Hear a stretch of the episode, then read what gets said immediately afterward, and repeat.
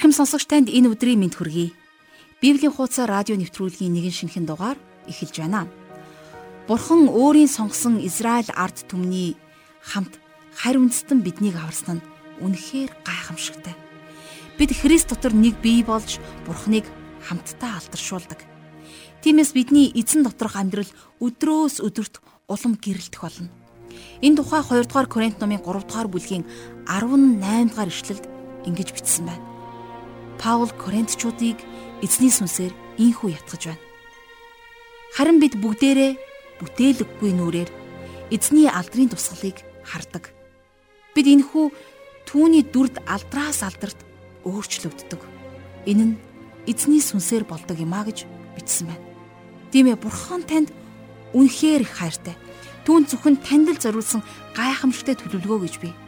Харин өнөөдрийн итгэгчид бидний гаргадаг хамгийн том алдаа бол Бурхны үгийг мэдэхгүй, ойлгож хүлээж авахгүй байгаа байдал. Үнэн дээр Бурхан таныг Библийн хуудас бүрээр дамжуулан өөрийнхөө үгийг мэдээсэй, таньж ойлгоосай. Миний үгээр амьдралаа удирдуулаасай гэж үнэн голоосаа хүсдэг. Тиймээс бид түүний үгнээс энэ амьдралд маань зориулж яг юу хэлж байгаа бол гэж судалж таньж мэдэж тийхүү тэмүүлэх зүрх сэтгэлтэй байх хэрэгтэй.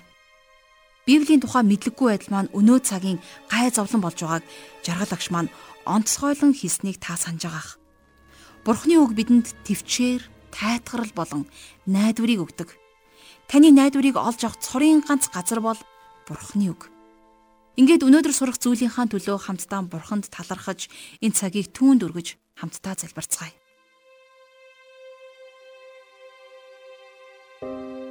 Бурхан аваа та биднийг өөрийнхөө алдарт дуудсанд баярлалаа гэхсэн байна. Та бол хэнийг ч ялгалгүйгээр хайрлаж, чин сэтгэлийн гимшил бүхэнд баярладаг цорын ганц амьд бурхан. Тийм ээ эзэн минь. Та биднийг илүү улам нэлүүгээр өөртөөгөө адилхан болгож өгөөч гэж бид гуйж байна. Бид таны эсрэг гим нүгэл үлддэг. Энэ бүгдийнхээ төлөө шийдвүлэл зохилтойч харин таны хайртай хүүд бидний гмийг авах шийтгэлийг та өөрүүлсэн. Түүнд өгсөн итгэлээр дамжуулан бид танаас уучлалыг хүлээн авч бид таны нэрийг дуудах боломжтой болсон. Энэхүү хайрын үс, хайрын золиосын төлөө бид таньда талархаж байна. Аваа тэгээд энэ цаг мөчид бид онцгойлон санаатай болон санамсаргүйгээр хийсэн бүхэл алдаа зөрчлөө таны өмнө гимшин улааж байна. Бид таны үгийг хүлээн авахаасаа өмнө бид танаас уучлалыг наминчлалыг бид танаас эрен гуйн залбирч байна. Та бидний цус мэд улаан гим нүглийг та ноос мэд цагаан болгооч гэж бид гуйж байна. Хичээлийг эхнээс нь бид таны моторт өргөж заах багшийнхаа дээр таны ариун сүнсний удирдамж тэр чиглүүлгийг бид танаас тослохоо гуйн залбирч сонсох чих нэг болгон зүрх сэтгэлнийг бүртээ та ариун сүнсээрээ холбогдож хамт байж ярьж удирдан чиглүүлээрэ гэж бүх зүйлийг таны удирдамж таны хяналтанд өргөж Есүс Христийн нэрээр залбирanгуйж байна. Амен. Харин одоо бүгдээрээ жаргалах шин хичээлд анхаарлаа хандуулцгаая. За өнөөдрийнхөө хичээлийг хамтдаа Ром номынхон 15 дугаар бүлгийн 17 дугаар ишлэлээр эхлүүлцгээе. Тэгэхээр Ромын нэг хязгаараас нөгөө хязгаар хүртэл Паул Бурхны үгийг хүмүүсийн зөрсгөлд тарьсаар явсан. За 17 дугаар ишлэлдэр Тиймд Бурханд хамаарах зүйлсээр Христ Есүс дор сайрхах шалтгаан надад бий. Паул Ромчуудад нилээд зоригтой загтлыг бичээд За бас энийгээ баг зэрэг зөөлрүүлэхийг хүсч байсан. Яагад гэхлээр зарим хүмүүст тэрний зааварчилгаа хэрэггүй байсан. А гисэн хэдий ч Паул бат итгэлтэйгээр энэхүү загтлаа бичсэн. Тэр хувийнхаа ашиг сонирхлын тухай огт бодоогүй. За бүрч Есүсийн зарцынхаа хувьд тэрээр түүний хүслийг л биелүүлж байсан. Энийг ойлгох нь өнөөдрийн та бидэнд маш чухал. Бурхны зарц хүнд байх ёсгүй нэгэн шинж чанар бол бардам зан. Та хизээч ихэрхүү зантай байж болохгүй. Харин ердөөл эзэн Есүс Христтэй үйлчилж байгаа зарцын байр сууриас аливаад хандах ёстой. Бурхан бүхнийг захирч байгаа. За цааш нь үргэлжлүүлээд 18-аас 19 дугаар ишлэгийг уншийе. Учир нь надаар дамжин Христийн хийсэн зүйлээс өөр ямар ч юмыг би ярьж зүрхлэхгүй. Тэрээр харийнхныг дуулуур дор авчрахын тулд үг болон үйлсээр минь бас тэмдгүүд болон гайхамшигын хүч ариун сүнсний хүчээр ажилласан тул би Иерусалимаас Илив Хэрүүм хүртэлх нутгаар Христийн сайн мэдээг бүрэн дэлгэрүүлсэн. За энэ хэсэгдэр Паул маш чухал зүйлийг хуваалцаж байна. бид нар тэрнийг болон ялангуяа Ромын сүмийг а тэр эсвэл Петрийн хинэн байгуулсныг ойлгож тэрний хэлсэн үгсийг нарийн анхаарах хэрэгтэй. Паул харь үндэсний дунд бурхны бусдаар дамжуулан хийж байгаа ажлын нэр хүндийг би өөртөө авахгүй гэж энд хэлсэн байна.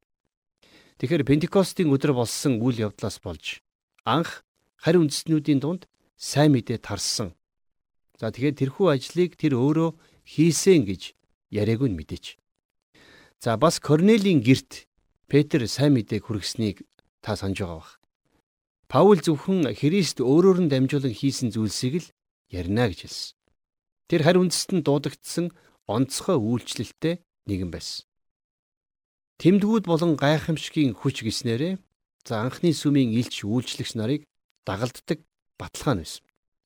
Энийг Бурхны үгийг бичгээс өмнө баталгаа болгон өгсөн байна. Тэгэхээр Паул Эфесийн итгэгч нарт хандан бичгтээ. За тухайлах юм бол Эфесийн 2-ын 20 дугаар эшлэлдэр та нар илч болон иш үзүүлэгчдийн суурин дээр босгогдож байгаа бөгөөд Христ Есүс өөрөө булангийн чулуун ажээ гэсэн. Тэгэхээр тэр элч нарыг үндэс суур гэж хэлээгүй. Зөвхөн Есүс Христ үндэс суур мөн гэсэн байна. За мөн 1-р Коринтын 3-ын 11-р эшлэлдэр Учир нь тавигдсан ганц суурь болох Есүс Христээс өөр суурийг хинч тавьж чадахгүй гэсэн байна. За харин элчнэр Есүс Христийн суурийг тавьсан. Тэгэхээр Паул энэ санааг илэрхийлж энд бичсэн байна. Христийн сайн мэдээ Илирикум хүртэл түүгээр дамжин хүрсэн гэж Паул хэлсэн байна. Тэгэхээр Илирикум бол Итали улстай хил залгаа байдаг Ромын нэгэн аймаг байсан.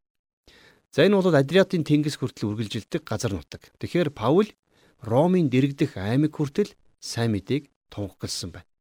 А гэвч Ромд арай очиагүйсэн. За Паул энэ хэсгээр хэрхэн аялж байсан тухай түүний тэмдэглэл байдаггүй. Тэр бидэнд наривчлан бичиж үлдээгээгүй олон газраар явсан лавтай. Паулийг зарим хүмүүс Испани хүртэл явсан гэж үздэг. За энэ загтлаас харах юм бол тэр Испани за бүр Англич хүрсэн байх магадлалтай байна. Яагаад гэвэл тэр Ромын эзэнт гүрнийг бараг бүрэн дуусгасан болохыг бид унших боломжтой. За 15 дугаар бүлгийн 20-с 21 дугаар ишлэгийг хамтдаа харъя. Ийхүү би өөр хүний суурин дээр барихгүй тулд Христийн нэр дурсагдаагүй газарт л сайн мэдээг дэлгэрүүлэхийг хичээсэн. Харин энэ нь түүний тухай мдээгүй хүмүүс харах болно. Сонсоогүй хүмүүс ойлгох болно гэж бичигдсэнчлэн юмаа гэж. За тэгэхээр сайн мэдээг тунхаглаагүй тийм газар төрүүлж очих нь Паулийн хувьд бусадтай өрсөлдөх байдал биш. Харин тэрний эрхэм үүрэг байсан. Паул үнэхээр онцгой үйлчлэлийг хийж байсан. Паул сүм бий болсон газруудад очтгүй байсан. Тэр жинхэнэ илгээлтийн эзэн сайн мэдээ тараагч байсан байна. За нөгөөтэйгөр Паулийн өмнө явж түүний очих гэж байгаа тэрхүү газарт сүмийг бэлтгэдэг тийм баг байгаагүй. Паул ямарваа нэгэн хотод очиход тэрнийг дуртаяа угтаж авдаггүй байсан. Хотын захирагч ер нь тэрнийг хизээч угтаж авч байгаагүй. Голчлон тэрнийг баривчилж шоронд хордог байсан. Илч нар сүмийн суур эхлэлийг тавьсан учраас итгэгчид бид нар илч нар хэн байсныг за бас дээрэс нь тэд нар хэнийг сонсож байсныг сайн ойлгож авах хэрэгтэй. Паулд Бурхны илч нартаа өгдөг бүх авьяас бэлэг байсан. За Үлс номын 14-ийн 3 дугаар ишлэлийг харах юм бол энд Паул Барнаб хоёрын талаар ингэж бичсэн байдаг. Тиймээс тэд эзэнд найдан зөрөгтэй ярьж тэнд нилээд хугацаагаар байжээ. Эзэн өөрийн нэгүүлслийн үгээ гэрчлэн тэдний гараар дамжуулан гайхамшиг тэмдгүүдийг сойрхож байлаа гэж. Тэгэхээр энэ бол элч нар болон сайн мэдээ анх тараагчдад байсан таних тэмдэг байсан байна. Тэдний үед шин гэрээ хараахан бичигдээгүй байсан. Харин тэднийг гайхамшигт тэмдгүүд батлан дагалддаг байсан гэсэн. За Иохны 2 дугаар захидлын 1-р бүлгийн 10 дугаар ишлэлдэр нэг ийм ишлэл байдаг.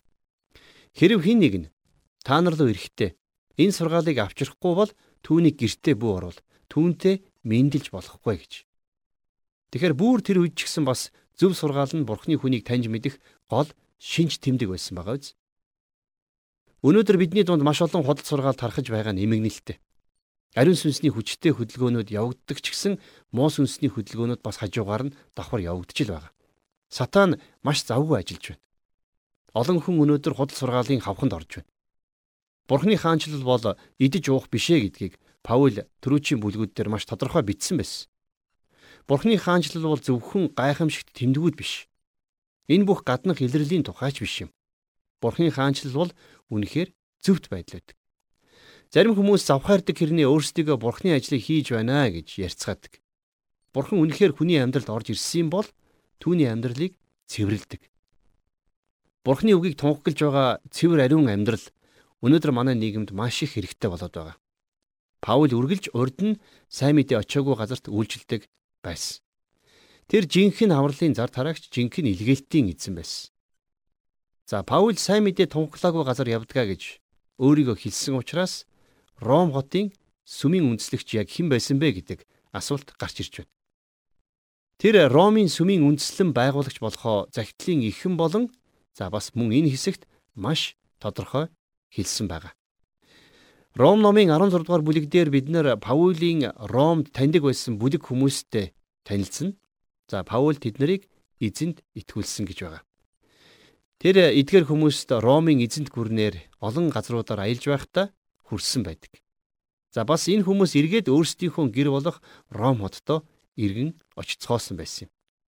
Тэд нар Есүс Христэд итгэсэн учраас хамтдаа цуглардаг болсон. Тэд нар анх итгүүлсэн номлогч Паулийнхаа талаар олон удаа ярьдаг байсан гэдэгт би итгэлтэй байна. Тэр энэ сүмийг өөрийн биеэр нутагт нь очиж биш харин алсын зайнаас байгуулсан баг юм. За тэгэхээр Исаи номын 52 дугаар бүлгийн 15 дугаар ишлэлээс иж татсан үгийг Паулийн хэлсэн юу гэж хэлсэн гэхээр түүний тухай мэддгүй хүмүүс харах болно сонсоогүй хүмүүс ойлгох болно гэж. За энэ бол Паулийн илгээлтийн амьдралын суур тулгуур ишлэл байсан байна. Паул сүнсний хувьд сохор хүмүүст очих сайн мэдээг тунхаглахдаа маш их баяртай байдаг байсан. Тэрнийг номлосны дараагаар хин нэгэн Паул ахаа би ойлгож байна. Би Христийг аврагчаа болгон хүлээн авна гэж хариулдаг байсан гэсэн. Тэгэхээр Христийг тунхаглаж түүн дээр хүмүүс ирэх шиг том баяр хөөргөж байдаггүй юм. Үргэлжлүүлээд 15 дугаар бүлгийнхээ 22 дугаар ишлэгийг харъя. Энэ шалтгаанаас болж би та нар руу очих гээд олонтаа саатуулагдсан билээ. За олонтаа саатуулагдсан гэж хэлэхдээ Паул үнэхээр ямар олон амаргүй зүйлстэй тулснаа өгүүлж байна. Үндэ бол тэрний замд дэндүү олон бэрхшээл байсан. За цааш нь 23-аас 24 дугаар ишлэлдэр харин одоо миний хувьд эдгээр нутаг дээр цаашид ажиллах өөр газар байхгүй. Би та нар дээр очихыг олон жилийн өмнөөс хүсэж байна. Би Испани руу явах замдаа та нартай уулзаж Төр зурч гисэн эхлээ та нартай нөхөрлөн баярлаж байгаад дараа нь намайг тийшээ явахад минь туслах байх гэдэгт найддаг. Паул удахгүй Ромд ирэх гэж байгааг болон за цаашид сайн мэдээ хүргэхээр аяллаа үргэлжлүүлэхэд бэлэн байгаагаа ингэж бичиж байсан. Тэр маш сонь зүйлийг энд хэлсэн байна, тийм ээ. Одоо миний хувьд эдгээр нутаг дээр цаашид ажиллах өөр газар байхгүй гэсэн. Тэгэхээр Паул энэ үгээрээ яг юу хэлэх гээд байсныг дараах асуултууд дээр илүү тодорхой болгодог. Тэр одооны байгаа газарт нь цаашид сайн мэдээг тунхлах боломж байхгүй гэж ярьж байсан уу? Эсвэл тэрний өмнө бүх үүд хаалга хаагдсан уу? Эсвэл очисон бүх газрын хүмүүс аврагдаад дууссан уу? Бүх газар нутгаар яваад дууссан гэж хэлж байна уу? Яг юу хэлсэн юм бол? Мэдээж эдгээрийн хариу нь 100% тодорхой биш боловч Паул бол үнэхээр баг Азийг гүйцэтгэл нь хөндлөн голд явсан байна. Эндхийн харь үндэстэн болон евдээчүүд бүгд сайн мэдээг сонссон гэж Лук бичсэн байдаг. Энэ нь тэд бүгд Христэд итгэсэн гэдгийг биш. Харин сайн мэдээг бүгдээрээ сонссон гэдгийг хэлж байна. Харин одоо Паул шинэ газар нутгийг хайж байна. Тэр би Испани руу явах замдаа та нартай уулзнаа гэж хэлсэн. Тэгэхээр тэр Ромын эзэнт гүрний нэг өнцгөөс нөгөө өнцөг хүртэл явхаар төлөвлөж байсан байна. За тэгээд дараа нь төр зурч гисэн эхлээ та нартай нөхөрлөн баярлаж байгаад дараа нь намайг тийшээ явхад минь туслах байх гэдэгт найддгаа гэж бичсэн байна. Эндээс харах юм бол Ром хот үнэндээ Паулийн эцсийн зогсоол нь биш байсан байна. Тэр Ромын эзэнт гүрний нэг хязгаараас нөгөө хязгаар хүртэл явахыг хүсэж байсан. За тэгэхээр асуулт гарч ирж байна тийм ээ. Паул Испанд очсон уу гэж. Хэрвээ очисон бол энэ талаар ямар ч тэмдэглэл байхгүй байна. Гэхдээ тэрний Илирүкхийн орсон аяллаа талаарч тэмдэглэл байдаггүй. За 19 дугаар ишлэлдэр энэ тухай дурдаагүй бол бид нар мэдэхгүй өнгөрөх байсан тийм ээ. За миний бодлоор Паул Испани за бас Ромын эзэнт гүрний бусад хэсгүүдээр явсан гэж би боддог. Яагаад гэвэл энэ тухай тэрний амьдралынхаа төгсгөлд хэлсэн үгнээс тодорхой харж болох юм. Тимотед бичсэн 2 дугаар захидлынхаа 4-ийн 7 дугаар ишлэлдэр Паул бичгтээ. Би сайн тэмцлэр тэмцсэн. Би замаа дуусгасан, итгэлээ сахисан гэж хэлсэн. Тэгэхээр Паул замаа ингэж дуусгасан байна. Тэр Испанид хүрэх зорилготой байсан. А гэхдээ энийг хийж чадаагүй бол тэр ингэж хэлэхгүй байх байсан. Хамгийн тодорхой нэгэн зүйл бол Паул Испани руу ч Иерусалим руу ч явахыг хүсэж байсан. За цааш нь үргэлжлүүлээд 15 дугаар бүлгийнхээ 25-аас 26 дугаар ишлэгийг уншийе. Харин одоо би ариун хүмүүст үйлчлэхээр Иерусалимд очих гэж байна. Учир нь Иерусалимийн ариун хүмүүсийн дундах ядуус зориулж хандив үхийг Македоныхан болон Ахаинхан таашаасан юм а гэсэн байна. За Паул Иерусалимд байгаа ядуу ахын дүүстэй очиж өөрийн гараар хандивыг хөргөж өгөхийг хүсэж байсан. Яагаад? Яагаад гэхлээр тэр өөрийн гараар Иерусалимийн сүмийг устгаж итгэгчдийг хавчин шахаж байсан тийм ээ. Харин тэр ингэснээр өөрийнхөө бурууг жаахан ч болтугай нэмгэлхийг хүссэн байна. За хандив гэдэг үгийг болвол грекээр koinonia гэдэг. За энэ бол нөхөрлөл гэсэн утгатай. За энэ үгийг Христ бурхны үг, залбирал, эзний зоог, материалын хандив зэрэг итгэгчдийн нөхөрлөлд ашигладаг бүх зүйлсд энэ koinonia гэдэг үгийг ашигладаг. Тэгэхээр Христэд итгэгчид бусдад өгөхдөө бурхантай, Христтэй болон бие биентэйгээ нөхөрлөж байгаа юмаа гэсэн утга санаа энэ үгээр илэрч байдаг. За нөхөрлөл бол зүгээр хин нэгний нурууг илж тайвшруулах явдал биш.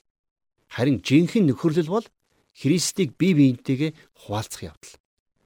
Паул урд өмнө нь хавчиж байсан Иерусалимийнхаа сүм рүү одоо өөрөө явах гэж байна. Тэр тэднэртэй нөхөрлөж хайрын өргөлийг хуваалцахыг хүсэж байсан.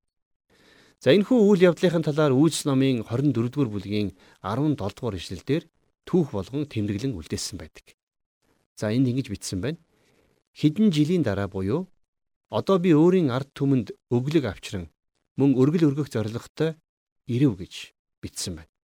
Тэгэхээр Иерусалим хотын сүмд авчирсан энэхүү өргөл бол Паулийн хувьд маш чухал зүйл байсан. За тэр энэ тухай 2 дугаар Коринт номын 8 9 дугаар бүлэг дээр мөн цохос дурдсан байдаг юм аа.